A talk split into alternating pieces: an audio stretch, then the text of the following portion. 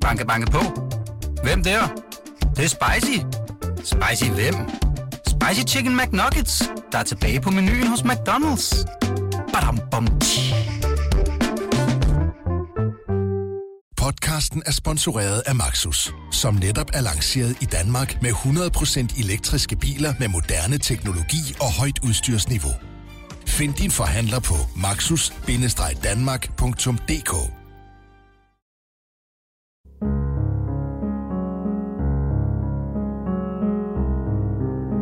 Den 10. juli kl. 03.53 2016 ankommer 17-årige Emilie Meng sammen med to veninder og en ven til Korsørstation. De har været i byen i Slagelse. Vennerne vil gerne hurtigt hjem og præger derfor en taxa. Emilie har lyst til at være alene og vælger i stedet at gå de små 4 km til hjemmet i Korsør. Men Emilie når aldrig hjem. Korsør station bliver det sidste sted, Emilie Meng ses i live. Sagen får efterfølgende landsdækkende opmærksomhed og udvikler sig løbende til en af nyere tids mest omdiskuterede drabsefterforskninger i Danmark. Med podcasten Nogen ved noget, Emilie Ming-mysteriet, afdækker BT alle aspekter af sagen, der stadig tre år efter rejser flere spørgsmål end svar. Jesper, hvem har slået Emilie Meng ihjel? Det ved jeg ikke. Men vi har fået over 100 henvendelser. Og i nogle af de henvendelser er der navne på personer, som folk mener kan have slået Emilie ihjel.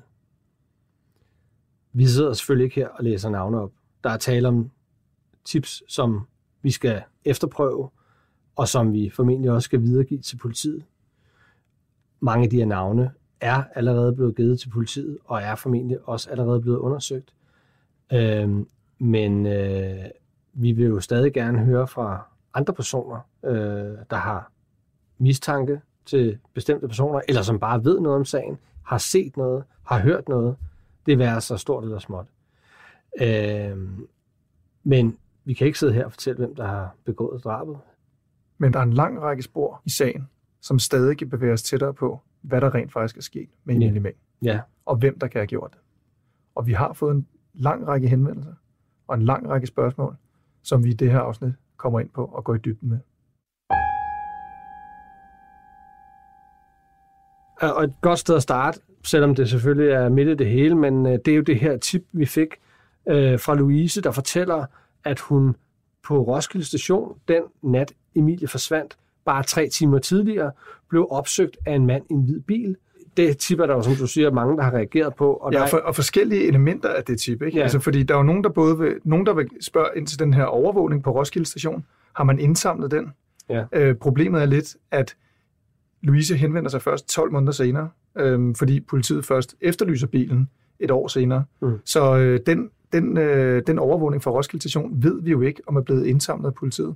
Vi ved i den rapport, som vi også refererede til i det 10. afsnit, en syv sider lang rapport, som politiet øh, udfærdiger øh, omkring hele øh, sagsforløbet, at man har indsamlet overvågningsmateriale fra stationer, altså togstationer, men om Roskilde er en af dem, det ved vi ikke. Nej. Nej.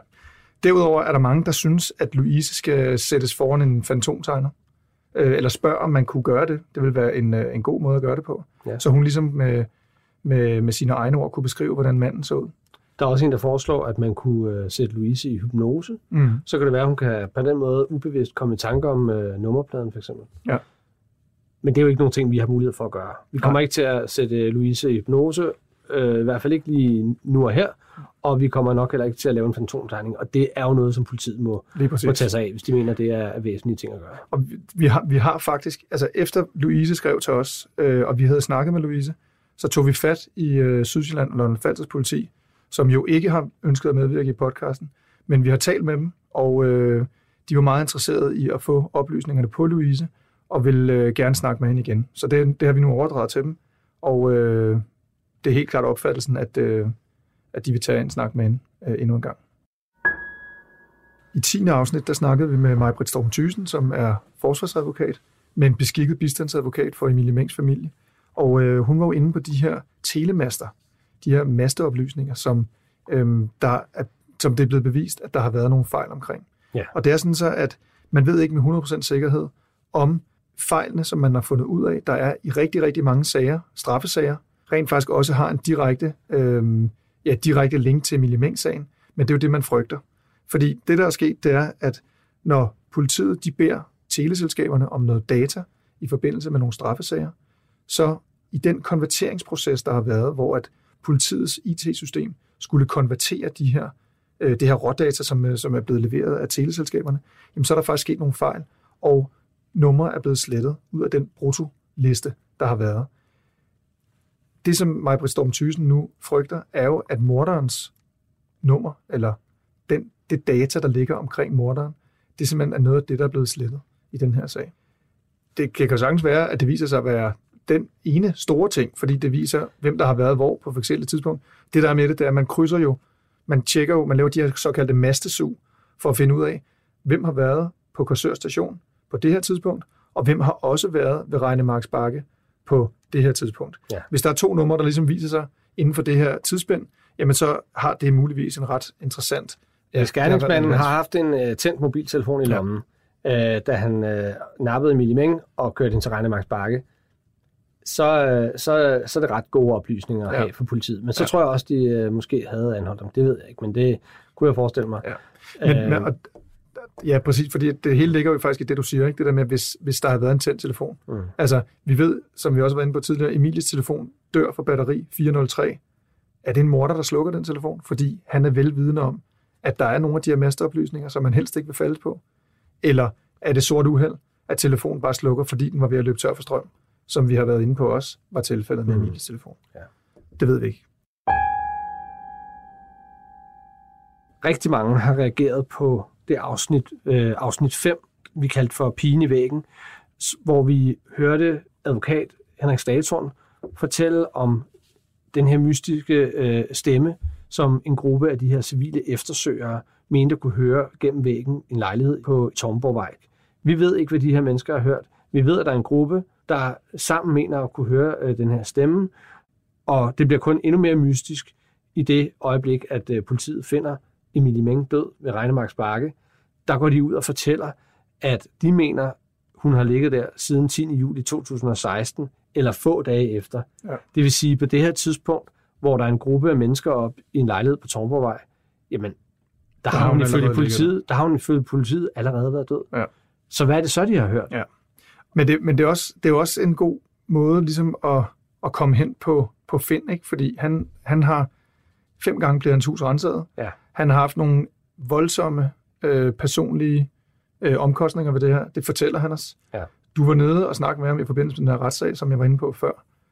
Og der fortæller han, hvor svært det har været for ham. Kan du ikke lige prøve at rise op, jo, hvad altså, han fortæller han, han er jo rystet, ikke? Og han fortæller jo, at når han går ud for en dør, og ser, at der står nogen på den anden side af gaden og optager med en, eller står med en mobiltelefon, så tænker han, står de nu og filmer mig, eller optager mig, øh, og han kigger så over skulderen stadigvæk og føler sig jo forfulgt, hvad han jo også har været. Så det kan man godt forstå. Og han har jo fået erstatning for de her øh, rensagninger, der har været. Han har fået af landsretten 3600 kroner per rensagning, det vil ja. sige fem gange. Og derudover så øh, har han jo sagt, at han vil sagsøge sin nabo. Men han er, han er renset på mistanke af politiet, i hvert fald, hvad, hvad de går ud og siger. Mm. Ja, fordi... Vi har søgt agtindsigt i den rapport, der er lavet efterfølgende, og den har vi fået afslag øh, ja. af med begrundelse, at sagen er baserende. Ja, og det er jo netop den, den jeg vil jo gerne læse den rapport, som de her to betjente, der har været med på det her famøse møde nede på brandstationen. De holder jo det møde, hvor gruppen, der har hørt Emil igennem væggen, afspiller nogle lydfiler. Ja. Og der er det jo, at to betjente øh, siger, at de kan også høre noget, som godt kunne være Emilie. Men vi har altså fået afslag her med den begrundelse, at øh, dokumenterne indgår i en baserende efterforskning, nemlig efterforskningen af drabet på Emilie Meng. Der er også rigtig mange, der spørger til den her hvide varevogn, eller lyse varevogn, som politiet ret tidligt i forløbet er ude at efterlyse. Det er sådan så, at lørdag nat, søndag morgen, ret tidligt, der bliver der set en, øh, en hvid varevogn forskellige steder i Korsør. Første gang, det er klokken 3.15. Det er sjællandske medier, der har en historie med en, øh, et vidne, de har talt med, som i det han kommer op på motorvejen og kører til venstre ned mod Korsørby, der ser han over på sådan en outlet-parkeringsplads en lys varevogn, eller en hvid varevogn, der står med tændte lygter. Og det er altså klokken 3.15. Senere samme morgen er der en førtidspensionist Og det er faktisk øh, dig, der har lavet det interview med ham, en, øh, en, en, en mand, der hedder Erling Jensen. Kan du ikke lige prøve at fortælle, hvad han ser? Jo, øh, altså jeg lavede et interview med ham dengang, øh, dengang sagen kørte første gang, og altså ikke nu her i forbindelse med podcasten. Men øh, Erling, han øh, fortæller, at han kunne ikke sove. Øh, det problem, han har nogle gange. Og så går han en lang tur, og øh, den tur øh, bragte ham for ud forbi øh, Storbæltsvej, hvor han ser en hvid varevogn, der kører i øh, høj fart væk fra stationen, og så senere mener han fortæller også, at den vender tilbage. Og han fortæller faktisk noget meget interessant om den der hvide varevogn, som jeg ikke har hørt fortalt andre steder, nemlig at der, det er ligesom om, der har været nogle bogstaver på siden af varevognen, som er blevet pillet af. Han kan ikke sige, hvilke bogstaver, men det er som om, der er nogle skygger på den der mm. varevogn, som om der engang har været et firmanavn eller sådan noget. Ja. Det er sådan, han beskriver den. Øh, og han beskriver altså, at den kører i høj fart og, ja. og kører vildt, og derfor så, så lægger han mærke til den. Ja, ifølge den øh, artikel, I skrev dengang, eller du skrev dengang, mm. der, der mener han, at der var tale om en hvid Mercedes Sprinter. Ja, Altså okay. uden bagruder. Ja. Altså sådan helt kun, øh, kun med forruder, og så var den helt sådan en lukket kasse bagpå. Ikke? Mm. Så er der faktisk også et tredje vidne. Det er faktisk et par, som er ude at løbe. Øh, ude i den her, der hedder, det der hedder Løsskoven, som ligger nede sydpå i Korsør. Og øh, den weekend, der hedder den 9. 10. juli, øh, det er ikke nærmere præciseret, om det rent faktisk er om lørdag eller om søndagen. Men eftersom at politiet har været ude og, og, og, og tager det ret alvorligt, og de er faktisk også ude med dykkere i den lille sø, sø der ligger nede i Løsskoven, øh, for at eftersøge, om der er noget der. Øh, jamen der er det der par, som ser en, øh, en, en, en bil komme mod dem, eller komme bag fra dem. Den kommer i så høj fart, at de rent faktisk er nødt til at springe til siden. Så, øh, så også der bliver der set en, en bil, som pludselig får øh, ret stor relevans for sagen øh, på det tidspunkt. Men øh, på nuværende tidspunkt, så er det faktisk ikke en bil, som øh, politiet, så vidt vi ved, regner for at være en øh, væsentlig øh, Nej. del af den her sag. Nej, det bliver senere fastslået, at den hvide eller lyse varevogn faktisk ikke, har, øh, ikke kan knyttes til efterforskning. Men hvad tænker du så, hvorfor, hvorfor kører der så en mand rundt, øh, eller en kvinde rundt, helt vanvittigt i en, i en Ja. ja. varevogn? Det kan, være, det kan jo være alt muligt. Altså, der bliver også begået ting og sager, som ikke har noget med Meng-sagen at gøre. Ja. Altså forbrydelser, så den kan have alle, alt mulig relevans for alt muligt andet. Det ved vi ikke noget om. Der er rigtig mange lyttere, som faktisk kan huske, at der i den indledende fase af efterforskningen, det var nogle måneder inden, jeg tror det var omkring oktober-november, der kommer det ud, at der er en mand, der er anholdt i sagen. En, øh, en jysk lastbilchauffør. Og øh, dengang, øh, hvor sagen kørte første gang, eller ja, det kørte den stadigvæk, men dengang, hvor at den blev beskrevet første gang, der lavede du faktisk et interview med, med den her person, Jesper. Øh, kan du ikke lige prøve at sætte os ind i, hvem han er, og hvorfor han lige pludselig blev interessant for sagen? Han er lastbilchauffør, og han øh, boede øh, tilbage i øh, juli 2016, der boede han uden for Kolding i et hus. Og øh, i august, 30. august faktisk om aftenen, der banker politiet på hans, politiet på hans dør. Det er hans øh, kone, der åbner, øh, og øh, de øh, trænger ind i hans hus, politiet, og de anholder ham og tager ham med til, øh, til Sjælland. Jeg mener, det er Slagelse politistation, hvor de øh, afhører ham. Øh, det er sådan, han er 33 år, han er lastbilchauffør, og øh, han har nogle meget alvorlige pletter på sin straffetest. Han øh, er på det tidspunkt dømt for øh, voldtægt af en 12-årig pige, og han har også sexchattet med øh, mindreårige piger på Arto og Facebook. Øh, så øh, politiet stiller ham en, øh, en række spørgsmål, og øh, mens han er i deres varetægt, og de laver samtidig en omfattende rensagning af hans hjem. De beslaglægger hans computer, hans telefoner, alt hvad han har elektronisk udstyr, og så gennemgår de den lastbil, han kører rundt i. Fordi der er sådan noget GPS, og der er også nogle, øh, ja, nu kan jeg desværre ikke huske, hvad det hedder, men det er sådan nogle slags stempelkort, du Det er stempler sådan med. noget, sådan nogle, øh, hvad hedder sådan noget, det er sådan noget, ja, du skal ligesom registrere, at du ikke øh, kører for lang tid i forhold til, hvornår du skal Ja, holde pauser. og køre hviletidsbestemmelser, alt Ja. sådan noget, lige præcis. På baggrund af det tjekker de hans færden, og der kan de faktisk øh, konstatere, at han ikke har været i korsør øh, på det tidspunkt, øh, hvor øh, Emilie forsvandt. I hvert fald ikke i den bil. Ikke den bil. Det, det er i hvert fald den forklaring, som politiet giver, Mm. øh, det er, at øh, han øh, kan udelukkes øh, som gerningsmand. Det er også den øh, besked, hans advokat får. Øhm, og, øh, men de vælger, at, de vælger at løslade ham, og de vælger at opretholde øh, sigtelsen mod ham. Ja. Øh, og man kan sige, hvis der var meget fældende beviser mod ham, så havde de jo nok øh, ikke løsladt ham. Den her mand, øh, han, øh, når jeg taler med ham, øh, er han jo meget forarvet over, at han er sigtet den sag, og han går og venter på, at han får et brev, hvor der står, at han ikke længere er sigtet. Øh, det har han ikke fået på det tidspunkt. Øh, jeg taler med ham sidst, øh, da der er gået et år efter Emilie forsvandt. Og så har jeg for nylig talt med hans advokat igen, som siger, at øh, han er stadig sigtet. Øh, men okay, så politiet har simpelthen opretholdt sigtelsen? De har opretholdt sigtelsen, ja.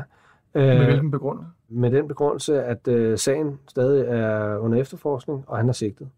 Han bor ikke længere i øh, Koldingområdet. Han øh, flyttede efterfølgende til øh, en landsby i nærheden af Struer. Og her var der 13. juni 2018 en 9-årig pige, der blev voldtaget. Ni dage senere bliver den samme lastbilchauffør, som er sigtet for drabet på Emilie Meng, han øh, blev øh, anholdt, og han blev efterfølgende dømt for den her voldtægt, og øh, afsoner i dag i forvaring. Ja. Han har anket sagen til øh, landsretten, og øh, den sag den skal for retten en gang til december. Mm. Så det er ikke en endelig dom. Han er jo, han er jo faktisk den eneste person, som vi med sikkerhed i offentligheden ved, har været anholdt i Emilie Meng-sagen. Ja. Vi ved ikke, om der har været andre anholdelser.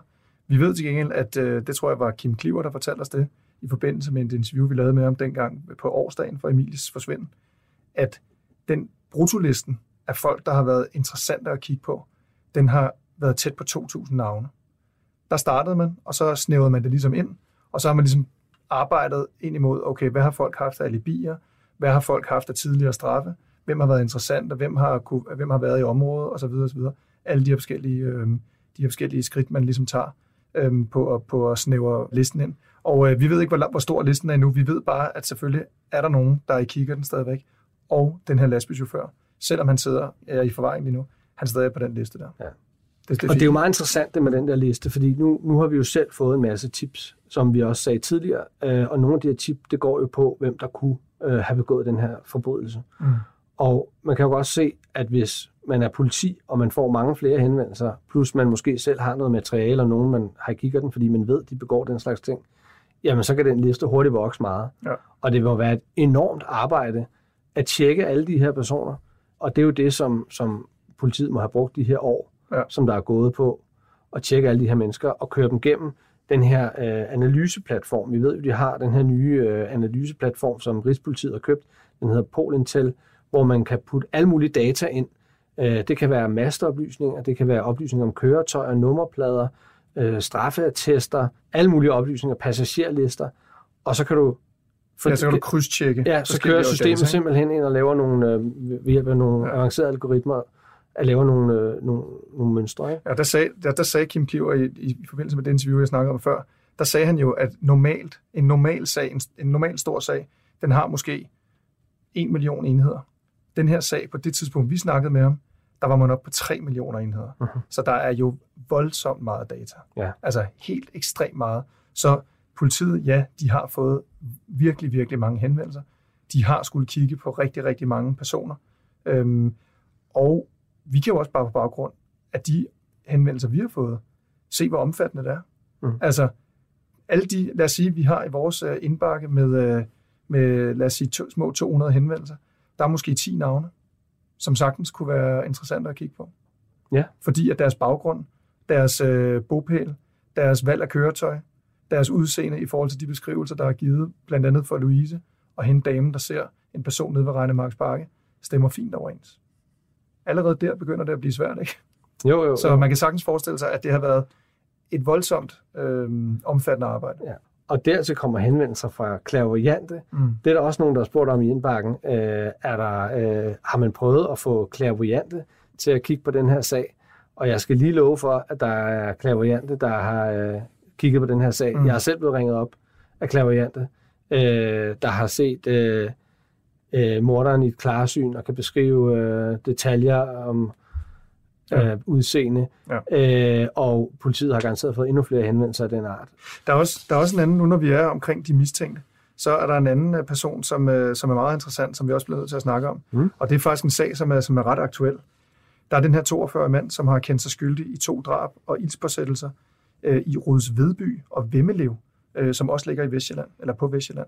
Og øh, bare lige for at rise sagen kort op, så var der i Ruds blev en 68-årig møntsamler, øh, dræbt i april, og der blev så efterfølgende sat ild til hans, ild til hans hus, øh, hvor livet så først senere blev fundet i Blæsinge grusgrav ved Slagelse. I, og i Vemmelev, der blev en 80-årig mand fundet dræbt på sin landejendom, øh, som forinden også var blevet stukket i brand. Og øh, den her 42-årige mand, han er blevet kædet sammen med Emilie Meng-sagen. Det, det er faktisk sjællandske medier, som har lavet den her, øh, den her Sammenkædning. Ja, og uden at det rent faktisk... Øh, der er ikke rigtig nogen, der står frem i de her artikler, de har lavet, og siger øh, til citat fra enten politiet eller nogen, der har kendskab til, til efterforskningen, at øh, ja, man kigger på den her, øh, eller man kigger på den her kobling, men i forbindelse med den her podcast, der er vi faktisk blevet kontaktet af en, øh, en person, der er meget, meget tæt på den her 42-årige, som fortæller, at de er blevet afhørt i øh, forbindelse med Emilie Meng-sagen. Og øh, der fortæller vedkommende her, at øh, politiet har spurgt mænd til øh, den her, det her køretøj, som er blevet nævnt i sagen. Det kom frem, at den her mand havde adgang til en Hyundai. Øh, i30 kom det frem først. Det viste sig senere, at det var en Hyundai i10, fordi den 42-årige mor havde en Hyundai. Øh, det, det, har, det har vi så fået forklaret af en Hyundai i10, som er en 15 år gammel bil, som har sådan en meget firkantet øh, udseende. Og det, øhm, Så det vil sige, at den ligner ikke den bil, der er på overvågningen. nej, den bil, som politiet efterlyser, det er en Hyundai i30 mellem 2011 og 2016, og den ligner på ingen måde den model, som, som der er tale om her. Den er meget firkantet i det, og man kan, hvis man stiller dem op ved siden af hinanden, så kan du, så kan du nemt se forskellen. Derudover fortæller de, at de se- selvfølgelig har været samarbejdsvillige med politiet og stillet alt den, øh, de informationer til rådighed, som, som politiet nu engang har ønsket. Og øh, derudover så oplyser den her person, der har kontakt til os, at øh, de, har, de, de er dybt frustrerede over, at øh, de nu bliver kædet sammen med, med Emilie Meng-sagen. Og selvfølgelig kan de ikke med 100% sikkerhed sige, at det ikke er øh, den her 42-årige mand, der har gjort det. De tror ikke, det er det på nogen måde. Men hvis det viser sig at være ham, så øh, skal han selvfølgelig have den straf, som, som nu retssystemet nu engang øh, mener, han skal have. Vi har et felt af, af henvendelser og tips, som øh, vi nok øh, må, må kalde for, for rygter, øh, men som øh, også kan være interessante at tage frem, også fordi vi vil gerne vide noget mere og noget mere detaljeret om, om øh, de her øh, små emner her. Øh, det ene af dem øh, handler om det område, der hedder Mortalavej, som er et øh, socialt boligbyggeri, der ligger lige klods op af det her stisystem, hvor øh, Emilie Meng forsvinder fra. Øh, der har du øh, talt med nogle kilder og, og hørt nogle øh, forskellige rygter om de her øh, unge øh, mennesker, der bor der. Ja, altså mange af dem, som var med ude på de her store eftersøgninger, den civile eftersøgning, som vi også har beskrevet tidligere, blandt andet Janne Bisgaard, som øh, jo er en af de her ledende karakterer inden for Missing People, de fortalte, at under de der eftersøgninger, så var der flere gange, hvor nogle af de her unge drenge fra Motalavej rent faktisk råbte ting efter dem. Øh, sådan nogle øh, upassende ting i forhold til, til, til, hvad der var sket i sagen, hvad der var sket med Emilie osv. Øh, blandt andet så var der, var der flere, der har sagt noget med, at øh, I finder aldrig Emilie i live, I finder hende ikke her. Øh, sådan nogle ting, der indikerede, at de vidste noget. Så der er mange fra de her eftersøgninger, som har peget på, at de her drenge har haft noget med sagen at gøre. Der har også været et konkret navn op at vende, altså en ung fyr, som kendte Emilie, som bor på Motalervej, som skulle have været vild med Emilie, er der mange, der har sagt. Altså sådan et, et, sådan et, et kærlighedsforhold, som ikke rigtig var blevet gengældt den anden vej. Og det var så i et eller andet jalousifelt, han måske havde, havde gjort noget. Vi ved ikke noget som helst om det her. Og som, som du også var inde på, så er det 100% på rygtebasis. Vi ved ikke, hvem ham her, den unge fyr er. Vi har ikke hørt noget om det konkret senere hen. Men det er bare for at sige, der bliver talt rigtig meget om det her. Ja. Og øh, derudover er der også, har der også været en teori om et hemmeligt kælderrum. Der, der er jo rigtig mange Facebook-sider, som omhandler den her forfærdelige sag. Og nogle gange bliver der, bliver der postet en eller anden artikel, og de her kommentarspor, det har vi også set på de, de øh, artikler, vi selv har lavet, de er jo virkelig, de er jo kilometer lange nogle gange. Det er jo sådan noget, de kan jo få tusind kommentarer, hvor folk skriver øh, alt muligt. Men der er i hvert fald nogen, der har, der har nævnt noget om et kælderrum, og jeg ved også min kollega, som har siddet med den her sag også tidligere, altså dengang, hvor Emilie stadigvæk var forsvundet, der var der en kilde, der sagde til ham, at der lå et, et, altså under Motalervej, nogle af de her bebyggelser, der var der et hemmeligt kælderrum, hvor politiet havde været ude senere hen og grave altså betongen op, fordi man ville undersøge, om Emilie havde ligget der. Men politiet har aldrig bekræftet det her. Nej. Så, så hvorvidt Motalervej, hvor spændende det er, hvor vigtigt det er for sagen, det ved vi simpelthen ikke. Så er der et, øh, et andet tip omkring det her hotel, der hedder Drop In, øh, ja. som hvis det ikke er noget femstjernet hotel, Nej, det, det kan vi godt, øh, tror jeg godt. Vi... Jeg tror faktisk, det har en, en stjerne, Ja. eller måske to, jeg ved det ikke, men det, Nej. det er ikke et femstjerne hotel, lad os bare blive ved det. Og det, det, det, det er et meget løst rygte også. Øhm, og det er igen et af de her rygter, som opstår på sociale medier, hvor folk de snakker om sagen. Men det her rygte er blevet, det er blevet nævnt øh, i, øh, til et opslag på et tidspunkt, og så er det senere kommet tilbage, hvor der er nogen i en ny tråd, der siger, at de også har hørt det her rygte. En, flere, en fjer bliver hurtigt til 10 høns, og øh, det her kan sagtens være noget af det. Men selve rygtet går på, at på det her hotel Drop-In, der er der en fest om morgenen den 10. juli 2016. Der er en af de her unge mennesker til den her fest, der er høj på stoffer. Han forlader festen for at gå over på den her sti øhm, og møder Emilie. Hotel Drop-In ligger et stenkast fra, fra det her stisystem, altså Kodakstien, som vi har været inde på. Han møder Emilie, og det er så her, han begår sin ugerning. Slår hende ihjel og går tilbage til festen, hvor han fortæller om det. Og det er så der, hvor at filmen knækker en lille smule. Fordi historien fortæller ikke noget om, hvad han gør i livet. Historien fortæller ikke noget om, øh, hvad de her mennesker, der får den her oplysning at vide, efterfølgende gør. Det er ligesom bare, at han har mødt Emilie på stien klokken 4 om morgenen, og derefter har han taget livet af hende. Og vi har ikke nogen kilder Nej. rigtigt at gå efter her, vel? så vi kan ikke rigtig efterprøve det her. Det er bare et rygte, der florerer på Ja. ja. sociale medier. Og, jeg, og det er jo ikke, og grunden til, at jeg tror, at vi nævner det her, mm. det er fordi, altså, det kan sagtens være ekstremt upassende og virkelig usmageligt at nævne sådan nogle her ting.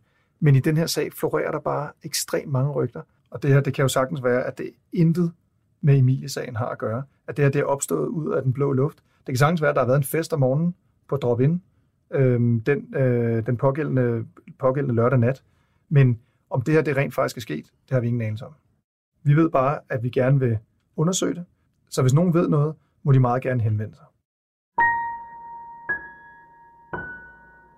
Der er også nogle øh, lyttere, der har spurgt, om den person, der har slået Emilie Ming ihjel, kan være en udlænding. Altså simpelthen en person, der kører igennem Danmark, øh, kommer ude fra, fra ned fra Tyskland måske, eller et andet sted fra, og øh, kører motorvejen, og øh, lige øh, begår et drab ja. I Danmark, og så videre til et andet land. Ja. Og, Og og øh, Ja, det ved vi jo ikke. nej, Men jeg, altså ud fra, hvad, hvad vi ved, ud fra, hvad vi har snakket med Jan Jarlbæk om, ud fra, hvad vi har snakket med, med politiet om generelt igennem de her tre år, hvor vi har behandlet sagen, der virker det højst usandsynligt. Ja.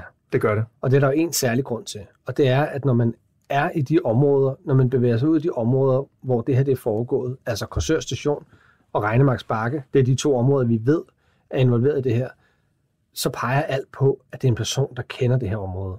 Du skal vide, at der ligger et grønt område dernede ved Regnemarks Bakke. Du skal mm. Vide, at der er en sø, som ikke tør ud.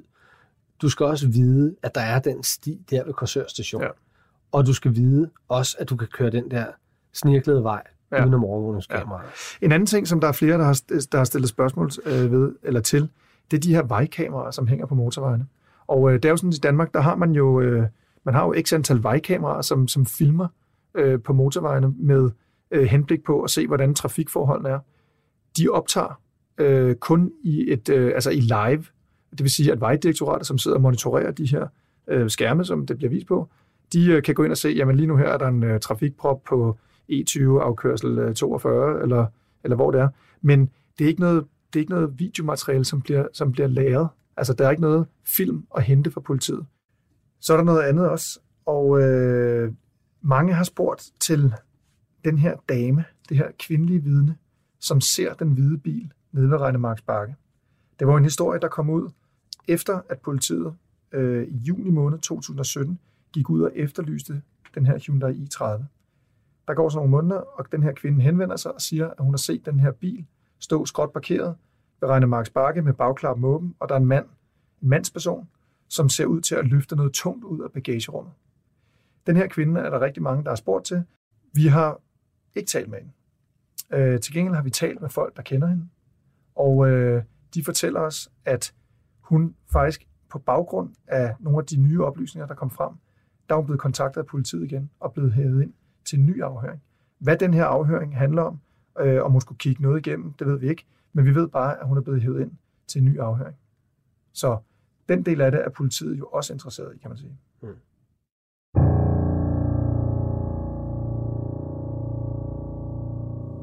Det er jo faktisk sådan, at øh, Det er det sidste afsnit i podcasten. Men, men der er virkelig mange spor, som vi endnu ikke har fået efterprøvet. Og øh, et af de spor, det var faktisk et, der kom her i weekenden. I lørdags. Vores chefredaktør, Jonas Kulratje, han skal på arbejde. Og øh, det er sådan så i Berlingske Medier, der er der sådan en bombesluse nærmest. Altså der er to glasdøre. Man skal ind ad den ene glasdør, og så skal den lukke bag en, før man kan komme ind af den anden, før man er inde i huset. Under den første glasdør, der er blevet skubbet et brev ind, som han finder liggende på gulvet, øh, og tager det op. Og så kan han så se, at øh, det er adresseret til dem, der laver Emilie Meng podcasten. Og, øh, og nu synes jeg, du skal høre det, der står. Hej. Først og fremmest ønsker jeg at være anonym, og derfor får I dette brev. Jeg ved noget om Emilie Meng, som jeg gerne vil fortælle jer.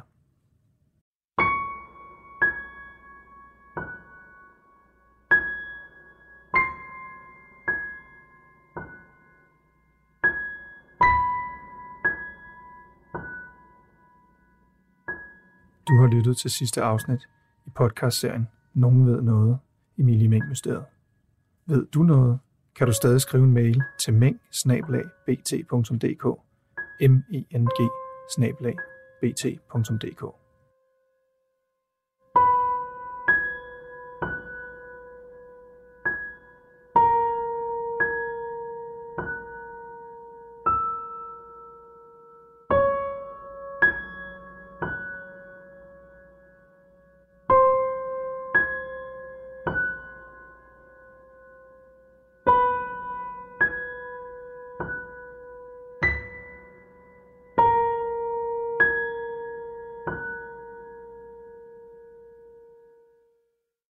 klippet og produceret af Kasper Risgaard.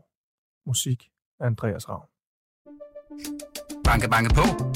Hvem der? Det, det er spicy. Spicy hvem? Spicy Chicken McNuggets, der er tilbage på menuen hos McDonald's. Badum, bom, tji.